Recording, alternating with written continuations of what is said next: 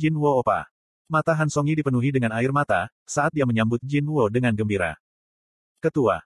Walau tak sebesar reaksi gadis itu, kedua hunter laki-laki itu juga menyambutnya dengan gembira. Park Hijin menghela nafas lega setelah menyadari Jinwo ada di sini. Tapi, Jinwo tak memiliki kebaikan untuk mengembalikan salam mereka. Set. Dia meletakkan jari ke bibirnya. Setengah jalan untuk bergegas dan memberinya pelukan, keempat hunter membeku karena gerakan Jinwo. Park Hijin bertanya. Ah, ada apa? Jinwo melirik Kim Chol yang pingsan. Jinwo masih marah pada pria itu. Dan merasa, jika dia ingin menyerangnya sampai mati tanpa perlu berkedip. Kim Chol diikuti. Jinwo merasakan kehadiran yang kuat datang dari hutan. Sekarang, bukan waktunya untuk mengkhawatirkan Kim Chol. Masalah sebenarnya datang dari kejauhan. So, Menyadari Jinwo menatap langsung ke arah mereka, White Walkers merilis Steel dan menunjukkan diri. Ada sekitar 20 dari mereka. Salah satunya menonjol dari yang lain. Jinwo menatap White Walker dengan rambut panjang yang mengalir ke pinggangnya di atas seekor kuda. Dia bosnya. Dibandingkan dengan beruang es atau White Walkers di sebelahnya, rambut panjang itu memberikan tekanan yang hebat. Jika ini bukan bos dari Dungeon, siapa lagi yang bisa melakukannya? Sudah lama, tapi hawa dingin menumpuk di punggung Jinwo. Sementara Jinwo dengan ringan gemetar pada kekuatan benda itu. Bos itu juga mengamati Jinwo. Jadi itu benar. Sampah akhirnya, itu berguna juga. Apa katamu? Kurung siku buka petik satu tanda tanya petik satu kurung siku tutup. Jinwo menjawab tanpa disadari, dan bosnya terkejut. Kau, kau berbicara bahasa kami. Jinwo sama-sama terkejut. Bagaimana aku berkomunikasi dengan makhluk sihir? Dia bisa memahami bahasa Ice Elf itu. Bukan hanya itu, dia sebenarnya bisa berbicara dengannya. Kata-kata yang tak pernah ia pelajari mengalir keluar darinya, seolah itu adalah bahasa ibu. Kamu, kamu bisa berbicara bahasa elf. Park Hijin kehabisan hal-hal yang akan mengejutkan dari Jinwo. Pertanyaannya memberi Jinwo konfirmasi, jika dia memang berbicara dan memahami bahasa Ice Elf itu. Apakah ini juga efek sistem? Sesuatu seperti penerjemah universal. Jinwo balas menatap bos. Bos itu menatapnya dengan wajah geli. Jadi kita bisa berbicara. Sangat menarik. Ada seseorang yang ingin aku perkenalkan padamu. Bos memberi isyarat ke White Walkers yang ada di belakangnya. Aku yakin kamu sudah berkenalan. Mata Jinwo menajam. Memang, dia akrab dengan yang ini. Bajingan itu. Itu Ice Elf yang menembakkan panah ke arah Han Song Yi, ketika kelompok mereka pertama kali memasuki gate. Dia tak bisa melupakan wajah sombong itu. Persis seperti saat itu, sebuah ejekan menghiasi bibirnya. Dia telah memberitahuku, jika ada seseorang yang kuat di antara manusia. Dia ingin berduel dengan seseorang itu. Jadi, Stab, Wajah tersenyum dari White Walker itu, sekarang dihiasi dengan Night Killer yang menancap dari sana. Ah! Ceritan itu datang dari sisi para hunter. Yun Gijong dengan cepat menutup mulutnya setelah berteriak tanpa sengaja. Tut! White Walker jatuh. Jinwo mengulurkan tangan ke arah mayat itu. Dagger yang tertancap di kepalanya dengan ringan bergetar, lalu kembali ke tangan Jinwo. Jinwo meraih Night Killer dengan cengkeraman terbalik dan mengambil posisi bertarung. Ada yang lain. Bos berbicara dengan kagum. Kau benar-benar kuat. Dia turun dari kuda. Tapi, bos itu tampaknya belum mau bertarung. Dia tak mengangkat senjata atau menimbulkan rasa permusuhan. Tapi kamu harusnya tahu. Dengan ekspresi riang, dia melanjutkan pembicaraan mereka. Itu bahkan kamu tak bisa menang melawan nomor ini. Jinwo memandangi para Ice Elf. Setidaknya ada 20 dari mereka. Tapi jumlah mereka bukan yang memusiknya. Itu adalah kekuatan bos. Kumpulan sampah di sekitar bos bukan tandingan Jinwo, yang telah sangat meningkatkan levelnya saat berburu beruang es. Sebagai pengingat, Jin Wo baru saja membunuh seorang White Walkers dengan lemparan dagger. Jadi, apa yang harus dilakukan tentang bosnya?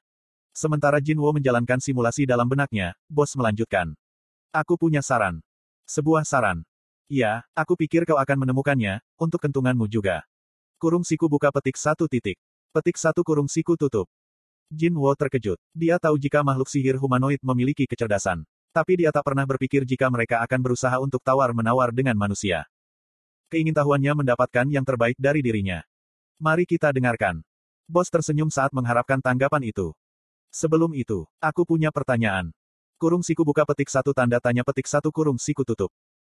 Kau bukan manusia. Kenapa kau ada di antara manusia? Petik satu kurung siku tutup. Alis Jinwo mengerut. Apa yang kamu bicarakan? Haha, apa kau tak sadar? Bos terkekeh lalu menunjuk ke pelipisnya. Di kepala kami, ada suara berbisik kepada kami tanpa istirahat. Itu memberitahu kami untuk membunuh semua manusia. Tapi di depanmu, suara itu menjadi sunyi. Ah, apakah begitu? Jika itu masalahnya, Jinwo memiliki teori kasar. Kata, manusia, mungkin merujuk pada Hunter. Di sisi lain, setelah keluar dari kuil itu dan diberi sistem, identitas Jinwo mungkin telah berubah menjadi player. Dalam arti yang sempit, dia mungkin terdaftar berbeda dari Hunter, setelah kebangkitan keduanya. Itu sebabnya, dia keliru berpikir kalau aku bukan manusia. Jinwo mengira, dia tepat sasaran. Menganggap raut wajah Jinwo sebagai persetujuan, bos itu mengangguk. Tidaklah perlu, bagi kita untuk bertarung. Kami ingin menghindari pertumpahan darah yang tak perlu pada akhirnya. Bos sampai pada intinya. Beri kami manusia di belakangmu. Maka kami akan membiarkanmu pergi dari sini hidup-hidup. Bagaimana dengan itu? Apakah kau menerima saran kami? Alih-alih jawaban, Jinwo malah mengajukan pertanyaan. Biarkan aku juga bertanya satu hal. Sangat bagus. Siapa kalian? Dari mana kalian berasal? Dan mengapa kalian mencoba membunuh manusia? Kita. Tiba-tiba, wajah bos yang tersenyum itu membeku sesaat. Kemudian, dia melanjutkan secara alami, seolah-olah tak ada yang terjadi. Tidaklah perlu, bagi kita untuk bertarung. Kami ingin menghindari pertumpahan darah yang tak perlu pada akhirnya. Apa itu tadi? Jin Wo menyipitkan matanya. Bos bereaksi seperti NPC dalam video game, dipaksa mengulangi kata-katanya. Setelah mencoba untuk bertindak di luar programnya. Beri kami manusia di belakangmu. Maka kami akan membiarkanmu pergi dari sini hidup-hidup. Bagaimana dengan itu? Apakah kau menerima saran kami? Wajah bos tak menunjukkan indikasi, jika sesuatu telah terjadi. Itu terus mempertahankan senyum riangnya. White Walkers di belakangnya juga tak menunjukkan reaksi apa pun. Petik satu titik titik. Petik satu. Ketika Jinwo baru saja mengamati situasi dalam diam, bos menekankan pertanyaannya. Apa kau mau menerimanya? Jinwo ingin mendapatkan beberapa informasi tentang monster dan tujuan mereka. Tapi, dia menyadari, jika itu akan sia-sia. Dalam hal itu, hanya ada satu hal yang tersisa. Jawabannya sudah ditentukan sejak lama. Aku menolak. Sudut mulut Jinwo naik. Kamu lihat, kamu punya bayangan yang terlihat sangat lezat bagiku. Untuk membiarkanmu pergi begitu saja, itu sangatlah sia-sia. Dia akan mengalahkan bos dan mengambil bayangannya. Dari saat dia memandangi rambut panjang itu, inilah rencana miliknya. Kau ingin bertarung denganku dan prajuritku. Apa kau berpikir, jika kau dapat menahan jumlah kami? Jin Wo tersenyum lebar. Tentara.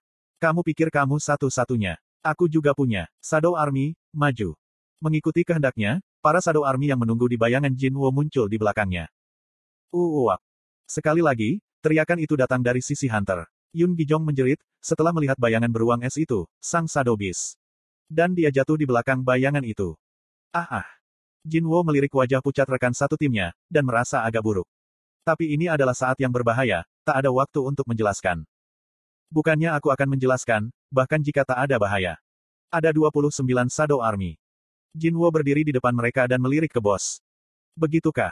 Siapa yang menahan jumlah siapa? Bos akhirnya memunculkan rasa permusuhan. Kau hanya menggunakan trik biasa. Baiklah, aku akan memenuhi permintaan kematianmu. Bos mengeluarkan dua tanto, belati khas Jepang di sisinya. Jinwo meniru aksinya dan menggenggam Night Killer di tangan kanannya dan Kasakas Poisonet Fang di kirinya. Trik biasa. Petik 1. Yah, Jinwo tak setuju. Shadow Army mungkin memiliki keunggulan dalam jumlah. Tapi dia tahu, jika kekuatan mereka secara keseluruhan kurang dibandingkan dengan bos. Dia mengerti dari mana keyakinan bos itu berasal. Dia membutuhkan sesuatu yang kuat. Tunggu, jika ini adalah kekuatan kuat yang aku perlukan. Ada seseorang yang cocok. Jinwo dengan cepat melirik ke sisinya. Kim Chol masih pingsan di sana. Serang. Atas perintah bos, White Walkers mengarahkan busur mereka. Beruang. Jinwo menempatkan Shadow Beast di depan. Hit, hit, hit, hit. Kuat. Para Shadow Beast mengaum sambil diserang panah. Sebelum White Walkers dapat melakukan serangan berikutnya, Shadow Army maju. Shadow Mage juga memulai casting mereka. Mata Jinwo menyala. Targetku itu kamu. Petik satu. Sebelum keluar, Jinwo dengan cepat menendang pedang Kim Chol ke Hunter yang pingsan. Tatapan Jinwo tertuju pada bos dan sebaliknya. Keempat dagger berbenturan dalam tampilan percikan api yang menakjubkan. Klang, klang, klak klang. Di sekitar mereka, pertempuran antara Shadow Army dan White Walkers berkecamuk. Go Myungwon menoleh ke Park Hijin. Haruskah, haruskah kita juga membantu? Wanita itu menggelengkan kepalanya. Ini bukan pertarungan yang bisa kita ikuti. Itu adalah medan perang yang kacau, di mana monster hitam raksasa mengayunkan cakar mereka, menghancurkan tentara hitam yang segera beregenerasi, dan itu diserang tanpa ampun dengan pedang dan panah. Apa yang bisa kita, seorang berang dan dua cerang, bisa lakukan dalam situasi ini? Yang bisa mereka lakukan hanyalah berdoa. Park Hijin menatap sosok Jin Wo yang bertempur dengan White Walker berambut panjang. Kuk. Suara keluar dari mulut Jin Wo. Ini memang bos Dungeon tingkat tinggi. Seorang pengamat biasa mungkin berpikir jika mereka setara. Tapi, Jinwo perlahan-lahan didorong mundur. Berbagai luka muncul di berbagai tempat di tubuhnya. Bisakah dia bertahan selama tiga menit lagi? Bahkan saat dia bertarung dengan bos, generasi pasukannya terus menguras mananya. Para Shadow Mage telah selesai membaca mantra mereka. Bola api yang jauh lebih besar dari bola voli jatuh di tengah White Walkers. Bang! Itu adalah kekuatan para mage yang naik level. Suara ledakan yang memekakkan telinga, membangunkan Kim Chol. Memem. Dia mengangkat kepalanya. Klang, klang, bam, boom. Dalam pandangannya yang kabur, dia melihat White Walker yang menakutkan melawan tentara kulit hitam yang tak dikenal. Apa-apaan ini? Dia tak tahu apa yang sedang terjadi. Tapi dia tahu, mengapa dia berada di tanah. Tangan yang memukulnya di belakang kepalanya. Suara yang dia dengar saat jatuh. Itu Sung Jinwo. Begitu dia sadar, penghinaan dan kemarahan yang ia rasakan membuat tangannya gemetar. Tangannya menemukan jalan ke pedangnya yang berada tepat di sebelahnya. Sekarang mereka dikelilingi oleh White Walkers, mereka semua sama saja sudah mati. Setidaknya, Sung Jinwo, aku akan membunuh keparat itu, sebelum aku mati. Pandangannya yang panas menemukan Jinwo kembali. Ketemu. Keparat itu melawan White Walkers, dan punggungnya terbuka lebar. Ini adalah kesempatannya. Kim Chol terangkat dari tanah dan berlari. Wah! Merasakan sesuatu yang kuat berlari kepadanya, Jin Wo merayakan sesuatu dalam benaknya. Ya, jika itu kamu. Jin Wo percaya pada Kim Chol. Kim Chol mencapai Jin Wo dan mengayunkan pedangnya ke leher Hunter Erang itu dengan sekuat tenaga. Mati. Bos di depannya, Kim Chol di belakangnya. Seakan berada di antara batu dan tempat yang keras, Jin Wo berteriak. Ikrit. Seolah menunggu, Ikrit bangkit dari bayangan Jinwo dan membelokkan arah pedang Kim Chol. Klang! Apa? Mata Kim Chol membelalak, memperlihatkan kulit putih memerah. Sebelum dia bisa mengatakan apa-apa, pedang Ikrit menggali dalam-dalam ke dada arang itu. Stop! Pedang itu menembus dada pria berotot itu, dan keluar dari punggungnya. Koh! Jinwo dengan cepat mundur dari bos. Ya, aku percaya padamu, Kim Chol. Aku percaya jika inilah yang akan kamu lakukan.